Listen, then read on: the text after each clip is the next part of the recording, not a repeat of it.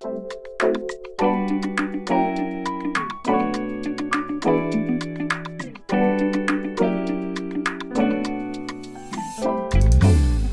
välkommen till Fantastisk hälsa. Mitt namn är Johan Erkle. Jag är kock och matentreprenör. Mitt namn är Cecilia Fürst och jag är specialistläkare i Sverige samt i Integrative och Functional Medicine i USA. Och jag heter Nils Per Skåra. Jag är performance coach, kosthållsvägledare och idrottsutöver. Och med den här podcasten ska vi hjälpa och inspirera dig på vägen mot en fantastisk hälsa.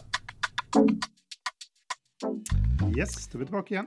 Och idag ska vi prata om något en av våra lyssnare ville veta lite mer om. Och det var järnbrist. Så välkommen Cecilia. Tack Johan. Yes. Vår lyssnare som undrar om detta var ju då en man. Men eh, innan vi började spela in här så sa du att det är lite samma som gäller både för en man och en kvinna. Eh, frånsett att kvinnor har ökad risk för just järnbrist, eh, eftersom, eller i alla fall under den tiden när man menstruerar. Så det är lite vanligare eh, hos kvinnor att få järnbristanemi. Så att, men det, det, är kopplat till just eh, menstruation och eh, vissa hormoner som gör att det är lite vanligare för dem att få järnbrist än vad det är för män. Men ja. jag kan säga att eh, det jag ser mer och mer det är ju att män också får järnbrist. Eh, och det är lite det jag ska prata om, eh, olika orsaker till och vad som kan ligga bakom detta och varför det har börjat bli vanligare i eh, populationen. Ja, spännande. Ehm, jag tänkte faktiskt bara först prata lite generellt om, för att järnbrist är ju en specifik ehm, typ av blodbrist egentligen. Och det är vi som doktorer kallar för anemi. Och det finns massa olika andra orsaker till anemi än att man har järnbrist. Men vi, vi kommer fokusera lite mer på just järnbrist eh, orsakerna idag. Men själva symptomen som, som anemi ger eh, är de samma, så oavsett om det är järnbrist eller om det är brist på någon annan, B12 eller folat, så ger det lite liknande symptombild. Så jag tänkte bara vi skulle prata lite kort om eh, vad man kan få för typer av symptom eh, när man har eh, för lite cirkulerande blodkroppar som kan föra runt syre till oss av en eller annan anledning. De vanligaste, eh, det man upplever, det är en eh, trötthet, eh, en slags svaghet i kroppen som gör liksom att man känner att man kan inte fysiskt anstränga sig, att man blir väldigt, väldigt fort trött. Man får ofta eh, blek hud, Eh, man kan faktiskt titta på slemhinnorna om man bara, om man viker ner neddelen av eh, undre ögonlocket så kan man se om det är väldigt blekt där. Då, då är det väldigt blekt där så är det kan det vara ett tecken på att man har eh, någon form av eh, anemi. Och då ska man definitivt gå och kolla upp om de har de här symptomen. Man får ofta lite snabbare puls eh, därför att hjärtat behöver ju slå, slå fortare för att transportera bort de syrebärande blodkropparna som man har. Så de får jobba hårdare helt enkelt. Så därför är det ganska vanligt att man får lite snabbare hjärtrytm. Man kan också uppleva att den blir lite oregelbunden. Det är inte alls ovanligt. Eh, man får ofta också ehm, eh, lite andnöd. Eh, så till exempel om man ska göra någonting, anstränga sig eller gå upp för en backe eller trappa så kan man uppleva att, att det tar emot och att man inte får tillräckligt med luft. Bröstsmärta är vanligt eh, yrsel. Eh, man kan få kognitiva problem, alltså problem att tänka och fungera. Eh, kalla händer och fötter och huvudvärk. Det är de vanligaste eh, symptomen som är kopplade direkt till anemin. Ehm, vad som händer ehm, med de, de, röda blodkropparna eh, när man får järnbrist, det är ju att du inte kan bilda eh, tillräckligt många röda blodkroppar eh, och att de blir lite mindre i storlek. Så att du saknar helt enkelt ett grundämne som behövs för att du ska kunna bilda eh, den här hemoglobinmolekylen som innehåller då järn. Som då har till uppgift att både transportera syrgas men också att transportera bort koldioxid utifrån vävnaderna. Så det är två funktioner. Och sen ska då, då det elimineras via eh, njurar och lungor. Um, orsakerna då till eh, till exempel då järnbrist, vad kan det bero på? Um, det kan naturligtvis vara att man har någon blödning. Uh, det kan vara att man har någon låggradig blödning som man kanske inte är medveten om. Låt oss säga att man har en inflammatorisk tarmsjukdom. Så kan det orsakas med mikroblödningar, att man tappar uh, lite grann blod. Man kan ha läckande tarm. Man kan ha låg tillgänglighet på saltsyra i magsäcken. Eh, man kan ha en kost eh, som gör att man inte får i sig tillräckligt mycket järn. Ehm, man kan ha någon kroniskt bakomliggande sjukdom som orsakar någon form av inflammatoriskt tillstånd. Så att inflammation kan faktiskt göra att man får järnbrist. Um, olika former som sagt av sjukdomar som drabbar mag-tarmkanalen kan ligga bakom järnbrist. Infektioner kan leda till järnbrist. Njursjukdom, leversjukdom, sköldkörtelsjukdom, olika typer av enzymbrister eller om man lider av någon autoimmun sjukdom. Och sen har vi också en grupp som man kanske är inte så medveten om, men man kan faktiskt ha genetiska varianter i enzymer som påverkar ens förmåga att ta upp järn. Det är inte helt ovanligt att jag ser det eh, när jag gör mina genanalyser och folk söker just med det här att de har alltid sagt att jag ligger lågt i järn och de gör allting, jag får alltid ta järntabletter, varför är det så? Så när vi då har rättat till alla de här underliggande, bakomliggande orsakerna som det kan vara eh, och de ändå inte har hittat eh, orsaken till det så kan det då vara någon genvariant i enzymer som är nödvändiga för att vi ska kunna ta upp järnet på ett korrekt sätt. Så det är ganska många olika saker som kan ligga bakom järnbrist. Eh, och därför är det naturligtvis jätte, jätteviktigt att man gör utredningar som tar hänsyn till alla de här sakerna nu som jag har pratat om. Eh, och det som är viktigt här är naturligtvis att utesluta allvarlig bakomliggande sjukdom. Men när man har gjort det och eh, symptomen kvarstår och man ser fortfarande att man har svårt att hålla uppe järn och järndepåer, eh, då måste man börja titta på de här andra sakerna som jag har pratat om här och eh, det är det jag tänkte vi ska ta upp här idag. Så att när man har uteslutit eh, någon kronisk sjukdom eller någon inflammatorisk tarmsjukdom eller annat livshotande tillstånd, när det är uteslutet, då går man vidare med de här sakerna som jag pratar om här idag. Bara så man vet vad det är vi pratar om. Um, och då börjar vi att prata om läckande tarm.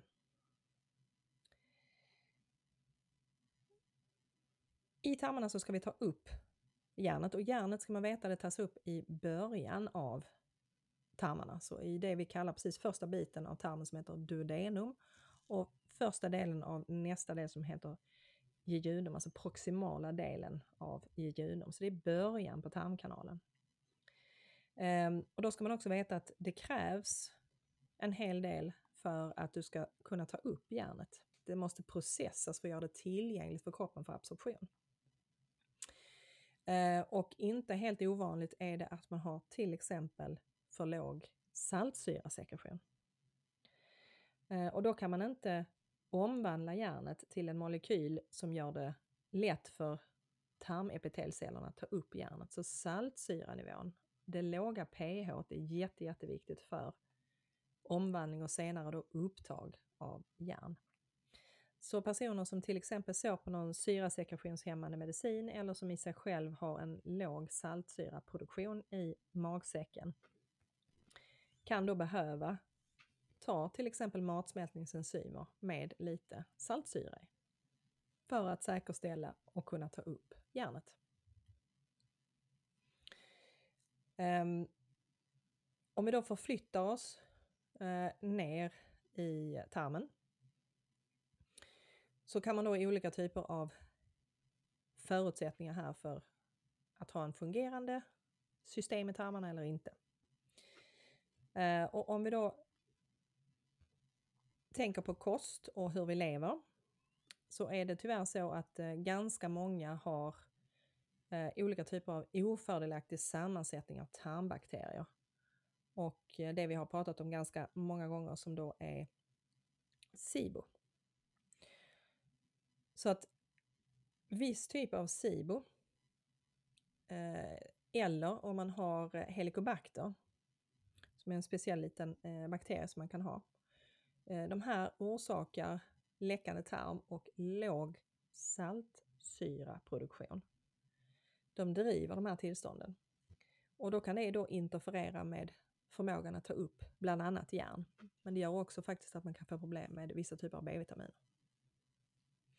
Så lösningen på det då, det är att man försöker återställa en bra balans i tarmen, alltså att du kan bryta ner, skapa rätt pH med hjälp av matsmältningsenzymer och att du hjälper till att se, för, få en, en balanserad tarmflora tillbaka, nämligen ta bort de bakterier eller gästsvampar som inte ska vara där, som underhåller till exempel då SIBO, alltså en överväxt av bakterier på fel ställe.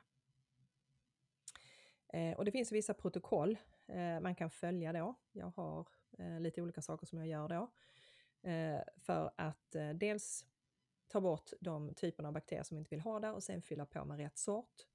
Och under tiden man gör det så behöver man också då säkerställa att man läker ut tarmytan eh, och att man hjälper kroppen att ta hand om och få ordning på ytan på tarmepitelet. Och då ska man veta att det tar ungefär 12 veckor eh, att omsätta hela tarmytan. Så att lyckas man få in rätt typer av utläkningsmolekyler och rätt förutsättningar så kan man alltså få upp ett helt ytepitel och normala förhållanden i tarmarna på ungefär 12 veckor. Eh, så det är en förutsättning eh, att man ser till att man då har en bra tarmflora. Så rätt pH och en normal tarmflora, annars måste man åtgärda det. Eh, att läka ut läckande tarm kan vara nödvändigt. Eh, det vi gör många gånger idag det är att vi får lite huvudvärk och så tar vi någon smärtstillande. Tar man då eh, någon NSAID-preparat, alltså till exempel Ipren, Ibumetin, eh, men även Alvedon, eh, paracetamol, eh, läkemedel, så kan de skada ytan i eh, tarmen och då orsaka till exempel läckande tarm. Om man har tvingats att stå på någon antibiotikakur så kan det i sin tur orsaka läckande tarm Eh, och förändra förutsättningarna då att man får en annan typ av sammansättning av tarmbakterierna. Så då bibehåller och underhåller de då oförmågan att bryta ner och ta upp eh, näringsämnena på ett korrekt sätt. Så att man måste se till att man har förutsättningar för eh, tarmytan att hållas intakt. Och vid behov att då använda olika typer av eh, stöd och hjälp för att eh, helt enkelt läka tarmytan. Där finns eh, specialpreparat som man kan använda. Eh, och där finns eh, speciella scheman som, som man kan använda sig av för att snabbt få tillbaka funktion och förmågan att skapa ett nytt stabilt system i tarmarna. Um, viss typ av mat kan hindra upptaget av järn. Och det är ganska många olika typer av molekyler som faktiskt kan försämra järnupptaget som man kanske inte tänker på och som egentligen är nyttiga. Eh, och där har vi ju till exempel fitinsyra eh, som vi har i ganska mycket olika typer av eh, växtbaserad mat. Eh, sen har vi faktiskt också en hel del polyfenoler och också till viss del eh, oxalater som vi då kan hitta till exempel i broccoli och brysselkål som faktiskt kan göra det svårare att bryta ner och omsätta och ta upp järnet. Eh, och har man då en genetisk variant ovanpå det som gör det ännu svårare för en att absorbera järnet så är det jätte, jätteviktigt att man ser till att ha C-vitamin som hjälp. Eh, så det är faktiskt ett trick, det är att ta, har man problem med järnabsorptionen så ta gärna C-vitamin. Buffrat C-vitamintillskott. Eh, när du äter. För att öka järnupptaget. Eh, ett annat bra sätt eh, att få i sig eh, högvärdig eh, järn det är till exempel att använda sig av eh, ehm, leverkapslar från, från gräsbetesnötdjur till exempel. De innehåller mer än, än bara järn och de innehåller järn också eh, och alla fettlösliga vitaminer. Så det är, ett, det är ett bra sätt att få i sig järnet på ett naturligt och lättupptagligt sätt. Så det kan man använda för att backa upp och backa på. Ehm, eh, just det här ehm, eh, upptaget. Om man behöver lite extra så kan man tänka på det. En annan sak som kan orsaka järnbrist, det är om man har någon form av födoämnesintolerans som man inte är medveten om. Eh, hur kan det komma sig? Jo, därför att om man äter någonting som kroppen inte riktigt kan hantera så orsakar det en reaktion i vårt immunförsvar och det drar igång helt enkelt lokala inflammatoriska responser. Och det är vi tillbaka i det här att den här inflammationen, bara inflammationen som sådan kan göra att vi får järnbrist. Eh, men även att det då påverkar integriteten i tarmarna och de här olika funktionerna i tarmytan som då kan i sig orsaka läckande tarm. Ehm, så att använda sig av en låginflammatorisk kost när man har järnbrist är faktiskt ganska bra som en start när man inte riktigt vet vad det beror på. Eh, och då rekommenderar jag att man använder till, till exempel antiinflammatorisk kost, alltså AIP-kost, eh, under en sex veckor, sex till åtta veckor. Eh, just för att få bort allting som eventuellt kan påverka ens förmåga att ta upp järnet.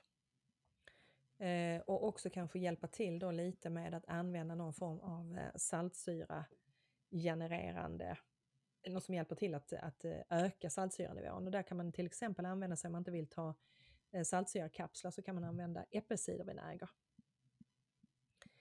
Eh, och eh, då tar man det eh, ungefär en, en, en, en matsked, eh, ungefär i ett glas vatten. Och så tar man det innan varje måltid, så man ökar på saltsyraproduktionen precis innan man äter. Så 5-6 minuter innan man ska äta.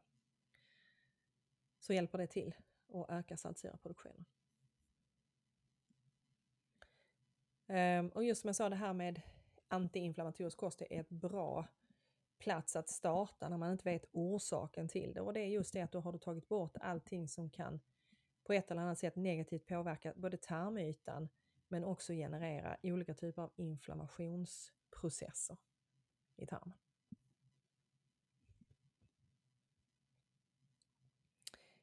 Um, när man sen för tillbaka mat igen, Eh, då är det viktigt att man antecknar hur kroppen reagerar när man för tillbaka vissa födoämnen som man kanske vill ha i sin kost.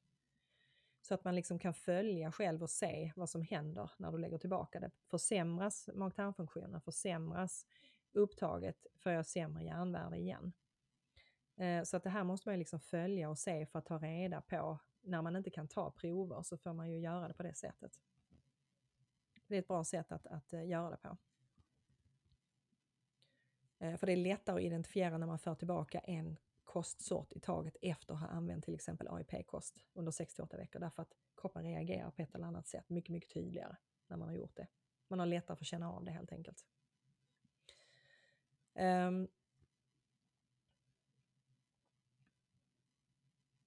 hur ska man då tänka runt eh, olika typer av mat? Som sagt, det här med att vissa födoämnen hindrar järnupptaget, det är ganska lätt att komma åt därför att många födoämnen som då har de här ämnena i sig har även C-vitamin. Men att ta extra C-vitaminer hjälper dig så att du inte behöver tänka så mycket på det. Eh, men generellt om man har problem med järnupptaget, ta extra C-vitamin för att hjälpa kroppen att ta upp näringsämnena. Eh, att se till att hålla en bra balans i tarmarna Eh, och hjälpa kroppen att hålla en bra miljö, det är till exempel att äta olika typer av fermenterade produkter. Eh, därför att fermenterade produkter gör ganska mycket. De, till exempel så är de ett naturligt anti-mikrobiot. Eh, alltså de, tar, de, de skapar en miljö som vissa typer av tarmbakterier absolut inte gillar. Och de bra tarmbakterierna tycker om den här miljön och dessutom innehåller de olika typer av probiotiska stammar. Så det är ett jättebra sätt för dig själv att hålla ordning på och hjälpa tarmarna att eh, bibehålla den miljön som behövs för att du ska kunna ta upp dina näringsämnen. Så att lägga till fermenterad mat är jätte, jättebra. Dels som sagt innehåller de ju probiotiska komponenter Men sen innehåller de också ämnen som gör att det blir lättare att hålla ordning på ytan i tarmarna eh, Eh, och det blir lättare att bryta ner och ta upp näringsämnena när man använder fermenterade födoämnen. Det kanske man inte tänker. De innehåller rätt så mycket olika typer av aktiva enzymer också. Så det hjälper till med näring, nedbrytning av, eh, av eh, näringsämnen. Så både bryta ner och ta upp, det är det som är det viktiga, att skapa förutsättningar för det. Så att fermenterad mat kan man också tänka på att lägga till om man har problem med järnupptaget. Um, om man inte vill ta kapslar så kan man ju ta eh, till exempel och, eh, olika typer av leverprodukter. Eh, där kan man både ta gräsbetesdjur, eh, alltså från nöt, och man kan också ta ifrån eh, ordentligt uppfödda kycklinglever till exempel. Går jätte, jättebra att använda för att få i sig eh, näringsämnena.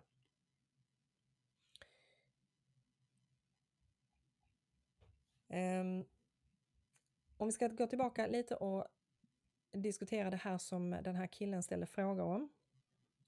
Eh, hur han ska tänka runt det här med, med järn och eh, järnbrist. Eh, så är det ju först och främst att man måste som sagt ta reda på så att det inte ligger någon bakomliggande sjukdom. Och när det är gjort, då kan man börja gå in och titta på de här sakerna som jag har tagit upp här idag. Ja. Och det man ska starta med, eh, det är faktiskt att se till att ha matsmältning som fungerar. Alltså hjälp till med matsmältningsstöd. Se till att ha ordentligt med saltsyra. Därför det behövs, för annars kan du ta upp järnet. Du måste åtgärda om du har bakteriell överväxt, för det kommer hindra järnupptaget. Det kan vara så att det är en genetisk variant som gör det svårare att ta upp järn och den kan man då eh, underlätta för till exempel om man lägger till C-vitamin. För vad, vad C-vitaminet gör, det hjälper det här enzymet att hämma eh, det här ämnet som, som eh, utsöndras som heter hepsidin som hindrar järnupptaget. Så när du tar C-vitamin, även om du har den genvarianten, eh, så kommer det förbättra järnupptaget. Så då rekommenderar jag också att man lägger till C-vitamin. Eh, och sen är det då jättebra att skapa en kost som är antiinflammatorisk. Så det är en grundförutsättning för att försöka ställa tillbaka och ordningställa funktionerna på olika nivåer i tarmarna. Och säkerställa det här med att det inte är läckage över tarmepitelet att det inte är en pågående inflammation, att du får tillbaka en hel ytstruktur så att du verkligen kan ta upp näringsämnena. Där kan man använda lite olika typer av preparat.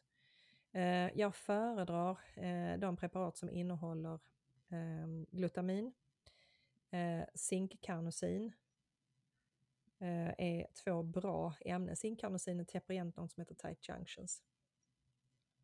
Eh, och sen har man olika typer av eh, andra örter som kan hjälpa till. Eh, jag har en, en produkt som heter Heartburn TX eller en som heter GI Powder. Eh, båda de två produkterna eh, innehåller utläkande ämne för tarmytan. Men de två viktigaste eh, substanserna är eh, glutamin och eh, zinkkarnosin till att börja med. Och sen ovanpå det som sagt ett lämpligt matsmältningsenzym då som skapar rätt pH. Eh, och sen behöver man då hjälpa kroppen att få tillbaka rätt typ av mikrobiota, alltså bra tarmbakterier som hjälper dig att bryta ner och ta upp näringsämnena. Så att där rekommenderar jag också ett, ett högvärdigt probiotika. Ehm, och där, där får man titta lite på hur mycket de innehåller och om de är stabila. Det gäller att ha ehm, där det står att de, är, att de överlever de här olika typerna av stadier när de går igenom magsäcken och Eh, kommer ut i tarmarna. Så att det måste vara stabila probiotika som klarar av den här transportkedjan ner. Och det är också det som många gånger gör att de blir lite dyrare, vissa sorter. För att de klarar just den här övergången. En fråga där. Eh, var hittar man den informationen? Det tycker jag eh, jag har själv sett på lite olika probiotika ja. innan och sånt där. Det är inte um, väldigt lätt att hitta det. Det, det, det, är, där, det är därför, eh, när, alltså för att underhålla någonting, alltså när du, när du har fått tillbaka en, en bra struktur, då, då klarar man sig med ganska så vanliga breda probiotika, det är inga problem. Men eh, under en uppbyggnadsfas eh, så brukar, eh, då är, det är därför jag tar in två olika sorter där. Därför att de är just sådana som är till för att skapa en normal tarmflora. Så jag har två olika sorter där som jag använder mig av. Som är just stabila och hjälper till att återskapa eh, den här normala miljön. Um, så de använder jag ofta under de här 68 veckorna, att man använder någon av dem. Och att ja. man under den här tiden då också kanske börjar att lägga till lite fermenterade produkter i sin kost. Just för att hjälpa och snabba på den här omställningen av eh, tarm, tarmflora och enzymer. Så det, det är en bra, mm. ett bra stöd och hjälp att göra. Ja. Eh, och sen kan det ju vara så att man eh, ett kortare tag behöver ta någon form av järnprodukter och då får man göra det. Problemet som många har med det, det är ju det att de, man kan bli lite förstoppad av dem. Um, så att det kan vara problem uh, att vissa tolererar eh, järn i tablettform sämre. Och då kan det vara ett alternativ att använda de här lite mer lättillgängliga järnformerna som finns, men de är ofta mer lågdoserade. Eh, I vissa fall, så om man har riktigt ordentlig järnbrist och svårt att fylla på depåerna, då får man faktiskt också ibland eh, dropp ett tag eh, för att fylla på lager och boosta upp det och sen brukar man kunna underhålla det med lägre mängder eh, järnkapslar som då är lättare att tolerera.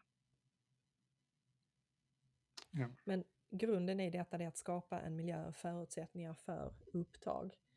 Eh, och det är de här sakerna som jag pratat om idag som man då måste titta på och utesluta eh, och åtgärda. Så att därför man tittar lite på och se vad, vad kan jag ha i den här mängden av eh, eh olika orsaker som jag har pratat om idag. Ehm, jag vet att han tog upp någonting om att eh, det kändes som att han hade någon eh, klumpkänsla när han svalde. Ja, den här personen som ställde frågor. Ja. Eh, och det kan jag säga att då är det problem med mag-tarmkanalen. Mm. Det är det. Så att dels så tror jag att det är ett kanske ett litet magmunsbråck. Och många gånger när man har lite alltså uppsura uppstötningar, eller inte, man behöver inte känna av det, men ett litet läckage upp så kan det skapa den här känslan. Eh, och det komiska här det är faktiskt att många gånger har man inte för mycket magsyra då, att man har för lite. Okay. Um, ehm, ett sätt att, eh, som, som, vissa gör för att lite se hur mycket saltsyra man eventuellt producerar, eh, det är ju eh, till exempel att eh, ta en halv tesked eh, bikarbonat i ett stort glas vatten och sen så väntar man och ser hur lång tid det tar innan man rapar. Okej. Okay. Eh, och tar det mer än 10 minuter så har man väldigt låg saltsyraproduktion. Mm. Intressant. Eh, ett annat alternativ är faktiskt bara att använda till exempel äppelcidervinäger och se om det förbättrar. Och räcker inte det så kan man faktiskt lägga till eh, matsmältningsenzymer som innehåller saltsyra. Och då ökar man den mängden till dess att man börjar känna att man får sura uppstötningar så backar man tillbaka på mängden. Ja. Men nå någonting mer som han skrev som symptombilden var att han var tung i huvud, orolig, trött eh, och lockkänsla för öronen. Ja. Eh, men just det här, det här med tröttheten är inte alls konstigt. Eh, det var som jag sa, ja. att eh, det kan ju ge kognitiva problem. Och just det här utmattningen och tröttheten. Och det är helt enkelt att det är, finns för lite röda blodkroppar att cirkulera syret och transportera bort koldioxiden. Eh, oron kommer ofta när man ligger för lågt i syrgasmättnaden. Så kan man känna oro och även, man kan också koppla det här med eh, att man känner hjärtklappning och så, det kan man också tolka som att man är, att man är lite orolig eller känner sig nervös. Men egentligen är det symptom på att kroppen måste jobba lite mer för att cirkulera det den har. Okej. Okay. Ja. Han frågar också om eh, järnvärden. Alltså vilken typ av olika järnvärden är viktigt att hålla koll på? Mm. Ehm, um, om man ska kunna bedöma vad det är för typ och orsak uh, till anemin uh, eh, så är det olika prover man ska ta eller se till att få tagna. Um, vi ska se här, jag ska bara rabbla dem här rakt upp och ner. Så jag inte missar någonting. Då ska vi se. Så det man ska kontrollera, det är naturligtvis HB-värdet. Man ska kolla något som heter MCH, något som heter MCHC, mängden röda blodkroppar, eh, mängden röda blodkroppar, eh, något som kallas för hematokrit. Eh, man ska kontrollera omogna röda blodkroppar. Man ska kontrollera järn, något som heter, eller förkortas TIBC, Total Iron Binding Capacity. Ferritin och järnmättnad och serumjärn. När man har alla de här komponenterna, då kan man bedöma vad det är för typ av brist som orsakar anemin. Och det kan då vara till exempel järnbrist, men det kan också vara en brist på B12 och brist på folat. Och man ska också veta att man kan ha en kombinationsproblematik här. Som till exempel eh, om man inte ser de här, för ofta får man mindre, när man har järnbrist får man ofta små röda blodkroppar. Mikrocytära brukar vi kalla det. Ehm, eh, röda blodkroppar. Har man en kombination av B12-brist tillsammans med järnbrist så döljer man järnbristen. Därför blodkropparna blir större på grund av B12-bristen. Okay. Därför, att därför är det viktigt att man tar alla de här olika typerna av prover för att kunna utesluta att det faktiskt inte också är någon annan näringsämne inblandat i det här. Men tar man de här proverna så kan doktorn eh, avgöra vilken typ av problem som föreligger och vilka typer av näringsämnen man behöver åtgärda. Eh, problemet bara med vanlig sjukvård är just det här att de inte tar hänsyn till att när de har uteslutit sina allvarliga sjukdomar de inte hittar någonting där, så säger de bara att ja, det bara är så hos dig, du ligger lägre och du får ta lite extra järntillskott. Men orsaken då är då det jag har pratat om här, att det ligger på nedbrytning och upptagssidan och där kan också vara en genetisk komponent i det. Och då måste man skapa förutsättningarna som jag pratat om. Att kunna bryta ner och ta upp näringsämnena, ta bort eventuell infektion eller SIBO, alltså överväxt av fel bakterier på fel ställe. Så att man återskapar en eh, normal funktion i tarmarna igen. För annars kan man inte åtgärda bristsymptomen. Okay. Men han har ju mätt, eh, han visar själv till någonting, han frågar om vilket ferritinvärde bör man ligga på? Det har jag mätt själv då. Eller fått mätta och fått något värde på. Eh, han, har mätt, han har mätt ferritinvärdet själv. Eh, ja, eller fått det mätt hos någon. Han, han sa att han låg på eh, 13. Det är lågt. Ja, och eh, han fick upp det till 21. Men att det fortfarande är väl väldigt lågt som man har förstått även vid 21. Eh, precis, och då är det som jag säger, då är det de här sakerna vi har pratat om idag som man måste titta på. Ja. Och med tanke på de symptomen som personen beskriver så skulle jag gissa att det är dels för låg saltsyraproduktion, eh, dels att det är läckage av tarmepitelet och att det är överväxt av fel bakterier. Ja. Vad ska man lä lägga i sån eh, ferritin då? Eh, man ska ju åtminstone ligga upp mot en 40, 45 minst. Ja. Mm. Precis. Ska man göra. Men Ja. man, kan, man, man, man får akta sig lite för ferritinet är också en inflammationsmarkör så att du kan inte titta bara på ferritinet utan du måste titta på de här samlat för att kunna avgöra vad det är. För att ibland när man får olika typer av kroniska inflammatoriska tillstånd så kan ferritinet sticka, alltså gå upp eh, beroende på inflammationen. Så då blir det svårt Ja. att bara förlita sig på ferritinet. Men är det lågt så är det, då är det för lite järn, punkt slut. Det är det. Ja, Men när det börjar gå uppåt, så, så får man, när det blir för högt som sagt, så kan det också ha att göra med att det faktiskt är någon pågående inflammatorisk process i kroppen. Så Ja. man måste veta vilka prover man tittar på. Så att de jag har tagit upp här, det är alla de tillsammans man ska titta på för att avgöra var någonstans problemet ligger. Okej. Han frågar också om eh, hur det är med järntabletter. Om det är järntabletter bättre på att höja ferritinet än till exempel blutsaft och kost? Frågan. Eh, kortsiktigt, eh, när man ligger väldigt lågt, så kan man behöva använda eh, tabletter därför att de har en högre koncentration och det ger snabbare effekt. Eh, det enda man får se till då det är som sagt är att magen funkar som den ska och att man kan eh, gå på toaletten så att man inte blir förstoppad. Så att man underhåller det.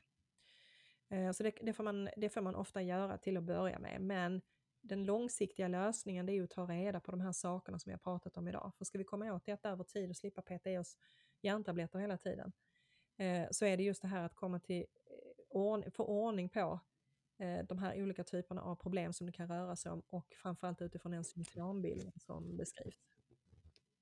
Ja. Precis. Och sen mot slutet frågan är också om eh, just eh, C-vitamin, det har du varit inne på, och B12. Att det är då viktigt för upptag. Eh, Och så frågan om det fanns några mer eh, saker och det har vi väl äntligen gått igenom. Precis, det har vi gått igenom. Och så just det att jag hade, jag hade startat med att, eh, Ehm, som jag sa, att, att använda ett matsmältningsenzym. Att se till att få i dig saltsyra för att mäta nivån eh, och säkerställa att du får rätt pH. Ehm, att läka ut ytan, att använda sig av en antiinflammatorisk kost under några veckor för att säkerställa att du inte stoppar i dig saker som Eh, till exempel du- där är någonting du är känslig mot som du faktiskt inte är medveten om från kosten. Så använder du en, en AIP-kost så, så tar du bort de flesta födoämneskänsligheterna så kommer inte det att vara en bidragande orsak till att du inte läker ut tarmarna eller att du får en större tarmflora. Så att grund, grunden i det är att, eller det jag rekommenderar det är att man har en AIP-kost först. Se till att stötta matsmältningen, se till att stötta bakteriefloran. Att se till att um, backa upp med molekyler som läker ut ytan. Och så just det att man måste hänga i ett tag där, för att du, det som jag säger, du omsätter hela tarmepitelet på ungefär 12 veckor. Så du måste vara lite uthållig här i de här processerna. Ja. Och jättegärna Väldigt. använda sig av fermenterad mat. För det kommer att hjälpa till att både smälta maten men också att bygga upp en hållbar situation i tarmen inklusive med rätt sorts och sammansättning av eh, tarmbakterier. Väl. Ja, men då fick han väl eh, många bra svar där tänker jag. Och eh, tips på vad han kan göra. Det hoppas jag. Perfekt. Ja. Känner vi oss nöjda för idag då? Då har vi väl pratat igenom det viktigaste om järn. Jag tror det. Jag tror det. Ja. Och det är just det här Ja, men- som sagt att tänka på vad som krävs för att kroppen ska kunna ta upp det som vi har pratat om idag. Det är ett system. Precis. Det är systemet som måste fungera. Väldigt bra. Nej, men då får jag tacka för en eh, intressant eh, prat. Jag lärde mig massa som alltid. Och så är vi tillbaka igen nästa vecka med något nytt och förhoppningsvis spännande också. Så tack för idag Cecilia. Tack Johan!